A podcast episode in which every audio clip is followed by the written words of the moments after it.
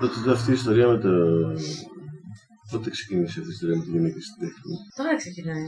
Ε, Και γιατί μπαίνει αυτό το ερώτημα; στο ερώτημα μπαίνει γιατί αυτά είναι τα προγράμματα που δίνουν. Δηλαδή δεν μπαίνει Α, η Ένωση να. Ναι. να- στα πλαίσια προώθησης, ας πούμε, των gender studies και feminine studies. Και... Ε, το θέμα υπάρχει γύρω από τη γυναίκα. Δεν το Όπως βάλαμε. έχει και σκρου ποσοστό στην εργασία και. Μμ. Όπως λέω είναι πόσο γυναίκες. Πόσες γυναίκες δουλεύουν στη, Ναι, όλα. Πώς Είναι στα είναι- πλαίσια αυτής τη. της ισότητα ή της. Όχι τόσο της ισότητα, των σπουδών ε, γύρω από το φύλλο, ας πούμε, και το γενικότερα. Όχι μόνο στην τέχνη. Θέλω να πω κοινωνικών, πολιτισμικών. ε, Και ο στόχος σας ποιος θα είναι, να βρείτε γυναί- ε, ε, φοιτήτρε στη σχολή ή. το, το, πώς το λένε; Ποιες θα ρωτήσετε, δηλαδή; Δεν θα ρωτήσουμε όλες τι υποφύτου σχολής από το 80 και μετά. Καλά, δηλαδή δεν θα γίνει επιλογή. Και να δούμε τι κάνανε, γίνανε καλλιτέχνες δεν γίνανε, ε, πετυχημένες ή όχι, κάνανε εκθέσεις δεν κάνανε, πολύ συνεργάτε δεν πουλήσανε, ε, την εικόνα που έχουν οι ίδιες για τον εαυτό τους και το επάγγελμά τους. Ε, αν θεωρούν το να είσαι καλλιτέχνης επάγγελμα. Ε, Αυτό μας θα πρέπει να συγκριθεί μετά με, το- με το συνολικό πληθυσμό ή με, τους- με- και με τους άντρες που Μπορεί να Τέλειωσαν- συγκριθεί με τέλειωσαν τους τις- άντρες, μπορεί να συγκριθεί με γυναίκες από φύτους μιας σχολή, ξέρω εγώ, στην Ιταλία αντίστοιχες χρονιές, μπορεί να συγκριθεί, αλλά αυτό καταρχάς θα υπάρχει σαν μελέτη και μετά σαν μια δεύτερη έρευνα, κάποιος, μια δε επόμενη ομάδα, πάρει αυτό έτοιμο και να κάνει τη σύγκριση, καταλαβαίνετε. Θέλω να πω η εικόνα που έχω αυτή τη στιγμή είναι ότι υπάρχουν αρκετοί απόφοιτοι από τη σχολή, αλλά έτσι κι αλλιώς λίγοι Συνολικά οι γυναίκες είναι γυναίκες και άντρες πολλοί. Ναι. Όχι, συνολικά. Οι απόφοιτοι Ναι. είναι πολλοί. Αυτοί που γίνονται ζωγράφοι είναι λίγοι. Ε, είτε γυναίκες είτε άντρες. Ναι, νομίζω ναι. Λιγότερες. Ε, οι γυναίκες είναι πολύ λιγότερες. Πολύ. Έχω την αίσθηση, θα σου πω. Ναι, ναι, πολύ. ναι, ναι, έτσι είναι. Οι γυναίκες είναι λιγότερες, αλλά έτσι κι αλλιώς τα νούμερα είναι πάρα πολύ μικρά. Δηλαδή, αν Ναι, αλλά οι θα- γυναίκες είναι Μάλλον πολύ το ποσοστό λιγότερες. Είναι 20% ας πούμε. Ναι. Πρέπει να είναι. Στις γυναίκες που πραγματικά μπόρεσαν να σταθούν στην αγορά Ναι. μετά και να... Για πολλούς λόγους, αλλά έτσι είναι. δηλαδή, Και όχι μόνο στην αγορά, και, και στην ιστορία της τέχνης. Δηλαδή. Ναι. Κάτι που δεν συμβαίνει αν τόσο κλινικαρισμένα επαγγέλματα. Δεν είναι Ναι, τόσο μεγάλο αυτό τα δεν ποσοστά. το. Ναι. Δεν είναι τόσο μεγάλο. Μια γυναίκα γιατρός, ας πούμε, ή μια γυναίκα με τη μια γυναίκα ε, φιλόλογος. Ναι. Σίγουρα πια όχι. εντάξει. Δεν είναι τόσο μεγάλα τα ποσοστά. Ναι. Ναι. Οικογένειες, ιστορίες, άλλα προβλήματα μπορεί να, να πέφτουν μεγάλα. Ούτε και ηθοποιός, ας πούμε, αν πάμε τα καλλιτεχνικά. Έτσι κι αλλιώς όμως, παρα- για παράδειγμα, οι, οι γυναίκες μπαίνουν στη ζωγραφική τα τέλη του 19ου. Ε, Αρχές του 20ου. Αρχές του 20ου. 1906. Δηλαδή, Αλλά μπαίνουν πολύ λίγοι. σχεδόν. Μέχρι το 20 νομίζω έχουν μπει 5, ξέρω. ναι. Δηλαδή, ανύπαρκτο. Δηλαδή, η- αρχίζεις σαν σχολή, δηλαδή, με μια- μια γυναίκα μπορεί να μάθει ζωγραφική επίσημα στην σχολή Ναι, πάρα πολύ, νωρί- πάρα πολύ αργά. ναι, εντάξει, αλλά έχει περάσει και μέχρι το 80, είναι και το 6, ας πούμε, εντάξει. Ναι, και τα χρόνια. Δηλαδή, Εντάξει, αυτή τη στιγμή στη σχολή, ξέρω εγώ, ε, φοιτούν περισσότερες γυναίκες από άντρες. Μπορεί να μην- ίσως ούτε αυτό το ξέρω. Πολύ πιθανό, ή αν όχι περισσότερες, μπορεί μπορεί να είναι περίπου στα λί- ίδια. Λίγο περισσότερο. Ναι. μπορεί να μην είναι πάρα Αλλά πολύ. δεν νομίζω ότι κάνουν τόσο εύκολα καριέρα με τους άντρες. Τώρα σου λέω, όλα αυτά είναι feeling, ας πούμε. Δεν ξέρω. Για απλώς δεν- Στατιστικά. δεν- Είναι πολύ στο δύσκολο. ζήτημα καριέρα δεν μπορεί να κάνει να πει γιατί είναι και τα νούμερα πάρα πολύ λίγα. Δηλαδή, αν πεις ότι πέντε άνθρωποι κάνουν καριέρα, Δεν είναι Ε. πέντε. Δεν είναι πέντε όμως, δηλαδή εντάξει. Δεν είναι πέντε. Τώρα μη λέτε, εντάξει. Ναι. Θέλω να πω, μπορεί να πέντε, λίγοι είναι πάντως. σα ίσα, θα έλεγα ότι κάθε χρόνο είναι λιγότερο από πέντε ναι. που θα κάνουν καριέρα. Εγώ δηλαδή. Ναι, άμα τους βάλεις όλους μαζί όμως, ας πούμε, από το. Κατάλαβα. Α, ναι, θα κάνουν πολύ, αλλά Ναι. αν, αν στους πέντε πούμε ότι είναι τέσσερις άντρες, ναι, Ναι. δεν μπορείς να πεις ότι αυτό είναι το 20%. Γιατί είναι. είναι Είναι τόσο ούτε- μικρό το ούτε- ποσοστό. Ούτε ναι. ένα στους πέντε. Ναι. Είναι τέσσερις και μία. Είναι- Τα νούμερα λένε μόνο Κοίταξε, απόλυτα έχουν μετά είναι- αξία. Τι εννοούμε και καριέρα, έτσι. Δηλαδή. Είναι άλλο ερώτημα. Η Καλλιτεχνική Και καριέρα. αυτό, γιατί μετά Ξέρεις. Δηλαδή κάνανε. Συμμετέχουν με ένα έργο σε μια έκθεση, κάνουν καριέρα. Θες, κάνουν μια ατομική κάνουν καριέρα πάλι. Δηλαδή, προφαν- Ναι, αυτό είναι. δεν κάνουν καμία έκθεση και πουλάνε 50 έργα, κάνουν καριέρα. Ή πουλάνε 50 έργα ε, τη μία χρονιά και τα υπόλοιπα 20 χρόνια Ναι, κανένα ναι. ή καριέρα. αυτό, δηλαδή, Επίσης. κάνανε μια- Καλά, να σου πω ότι εντάξει είναι λίγο σχετικά. Δηλαδή, εγώ αυτό που σου λέω, επειδή τώρα αρχίζουμε και ακόμα δεν είναι εγώ το αποτέλεσμα του τίποτα, αλλά έξω που έχω γενικώ ένα feeling, επειδή με απασχολεί και το θέμα ο- και γενικότερα, ας πούμε, και, και προσωπικά με απασχολεί. Με την έννοια ότι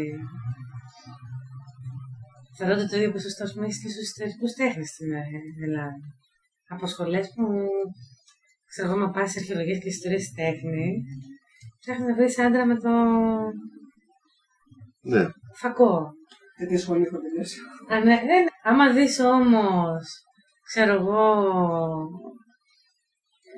πάρεις μια λίστα σε όλα τα πανεπιστήμια της Ελλάδας, όλους τους καθηγητές, αρχαιολογίες και ιστοριστέ, θα δει ότι είναι στην ελάχιστη. Μα ρωτήσει πάρα πολύ. αλλά νομίζω ότι είναι αλήθεια.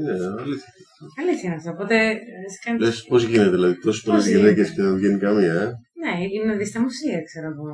Δεν λέμε μόνο για σήμερα. Να δεις λίγο τα τελευταία, ξέρω εγώ. Θες να σκεφτείς ποιοι ήταν διευθυντές, ποιοι ήταν κριτική τέχνη, πώς ήταν οι άντρε και πώ οι γυναίκε. Δηλαδή, Ποιοι έπαιξαν ουσιαστικό ρόλο στη Ουσιαστικό διαμόρφωση, ρόλο. στη διαμόρφωση μερικών Ναι. πραγμάτων. ναι. Και φυσικά να δεις κιόλας ότι στα ίδια μέρη όλοι οι υπόλοιποι στελέχωση, ας πούμε, από πίσω ήταν ως επιτοπλίστων γυναίκες. Σκεφτείτε. Δεν είναι. Χι μουσείο της Αθήνας είναι γυναίκες ήταν δεις μέσα. Καλά, νομίζω στην Αθήνα λίγους άντρε έχουμε γενικότερα.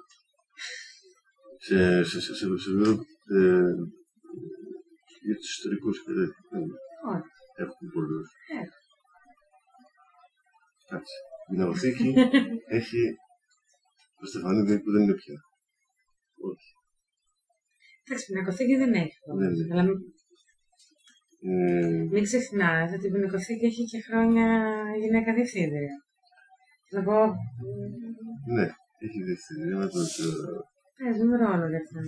το σύγχρονος τέχνης μόνο γυναίκες. Και σαν καινούργια, δεν μπορεί να το πεις. Τα, τα μουσεία της Θεσσαλονίκης μόνο γυναίκες. Οι σπουδέ σου είναι στο εξωτερικό. Σ' αρέσει. Κάνεις φιλολογία. Εγώ αρχαιολογία. κάνω αρχαιολογία Α. και δουλεύω σε αρχαιολόγια. Α, μάλιστα. Σε τι; Σε προϊστορικά δουλεύω στη Σαντορίνη, στο Κοντήρι. Α, πολύ ωραία. Και ασχολούμαι και με τη φωτογραφία. Α, πολύ ωραία. Έκανα δηλαδή το, το μισό μου και θα έκανα αρχαιολογία στο. Το πολύ επαφή. Ακόμα έχουμε σαν αρχαιολόγο. Λιγάκι. Ναι, μόνο γυναίκε τα λέω. Δεν είναι γυναίκε, μεν. Αλλά είστε- μην κοιτάς τα καινούργια. Εντάξει, τα καινούργια κατάφεραν. Αλλά ιστορικά μου βάλει. Ε, Ναι, γενικά μιλώντα, ναι. Ο- Όσο όπω όλε τι δουλειέ δηλαδή. Ναι. Σε πάρα πολλές σε πάρα πολλές, ναι. επιχειρήσεις και Ναι, ναι, ναι, τέτοια. ναι, ναι. Υπάρχει. Δεν είναι διαφορετικά, δεν είναι ιδιαίτερη περίπτωση της τέχνης. Νομίζω. Ίσως είναι μαζί με άλλα. Αν και απ' την άλλη θα έλεγα ότι στους, ε, οι curator, τουλάχιστον στη δικιά μου την εποχή, είναι πιο πολύ γυναίκες και Ναι. νομίζω ότι, ε, ε, υπάρχει μια. Σαν πιο ευχάριστη δηλαδή. Ότι ένα άντρα ζωγράφο, Α. προφανώ ζωγράφο που έχουν με, με Γυναίκες γυναίκε curators. επιμελήτριε. Ναι. Ε, Εντάξει, όχι, και στην- και στην άλλη περίπτωση, όλα καλά είναι. Γιατί; Όλα καλά Δεν είναι. το βλέπει έτσι. Όλα καλά Πες το, ναι, είναι ένα θέμα. Δεν ξέρω, σου λέω. ρε, Δεν ξέρω τι θα έβαζε και αυτό. Δεν μπορεί κανεί να τα λέει έτσι τόσο άλλο. Δηλαδή, αν καθόταν να. και στη συγκεκριμένη έρευνα, τι θα δείξει αποτελέσματα, ας πούμε. Είμαι πολύ περίεργη από την αλήθεια. Και μετά είναι και το ποιοτικό, βέβαια. Δηλαδή. Τι κάνανε οι γυναίκες, ξέρεις.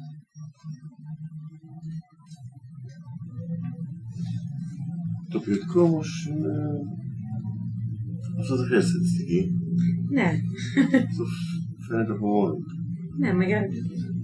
Εντάξει, εκεί είναι η έννοια. Και, του- και πια ένα, ένα πρόσωπο μετά από μερικά χρόνια Φαίνεται έτσι κι αλλιώς. Ναι, και αυτό, ναι.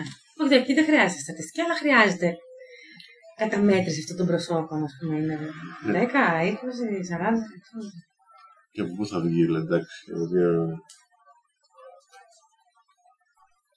Υπάρχει ένα πλήθος το οποίο θα, θα, από, από 10 πώς θα βγει, θα βγει ένας. Αν ε, σε αυτό το 10 δεν υπάρχει καμία γυναίκα, δεν θα βγει καμία γυναίκα Ναι. στην κορυφή. Ναι. Ελπίζω να υπάρχει. Δεν Ναι. ξέρω. Ελπίζω να υπάρχει. Εντάξει, είναι. Και όσο και αν διαφωνώ, ρε παιδί μου, και στην αρχή όταν είχα μάθει το πρόγραμμα κλπ. Ξέρεις, με τη λογική ότι επιβάλλουμε να ασχολείστε με αυτά τα θέματα, ξέρεις, πολιτικά, γιατί πολιτικά correct, να ασχολείται κανείς με γενικώ στα gender studies, τη, τη γυναικεία τέχνη και όλα αυτά τα πράγματα. Από την άλλη, είναι κάτι που δεν έχει γίνει. Εντάξει, νομίζω ότι μια εποχή αυτά είχαν ε, μια πολιτική χρειά που ήταν, θα έλεγα, μάλλον ύποπτη, αλλά πια νομίζω ότι έχει κανεί απογοητευτεί αυτή. την Όχι, πορεία. δεν έχει πολιτική χρειά. Όμως, ξέρεις, το να βάζεις ε, τέτοιες κατευθύνσεις έρευνας, ε, κατά κάποιο τρόπο αυτό κατευθύνεις την έρευνα, Ναι. βάζοντας τέτοιες παραμέτρους. Όπως... Και πάντα εκεί κανείς αναρωτιέται γιατί την κατευθύνεις προς τα εκεί. Ναι, λέω μια εποχή υπήρχε, υπήρχαν τέτοιες Ναι. πολιτικές. Ναι, τώρα δεν, δεν ξέρω. Δηλαδή, Τώρα πια μπορεί, νομίζω μπορεί να ότι- το κάνει κανείς πιο ψύχρεμα. Ναι, ότι τώρα νομίζω ότι σαν κατεύθυνση είναι περισσότερο μόδα, ας πούμε. Ξέρεις, κάτι που γίνεται παντού και... Αλλά έχει, θέλω να πω ότι όσο και στην αρχή μπορεί κανείς να σκεφτεί κάτι τέτοιο, έχει ουσιαστικό ενδιαφέρον εν τέλει στην Ελλάδα. Γιατί δεν, σε επίπεδο τέχνης, ας πούμε, δεν έχει γίνει ποτέ κάτι.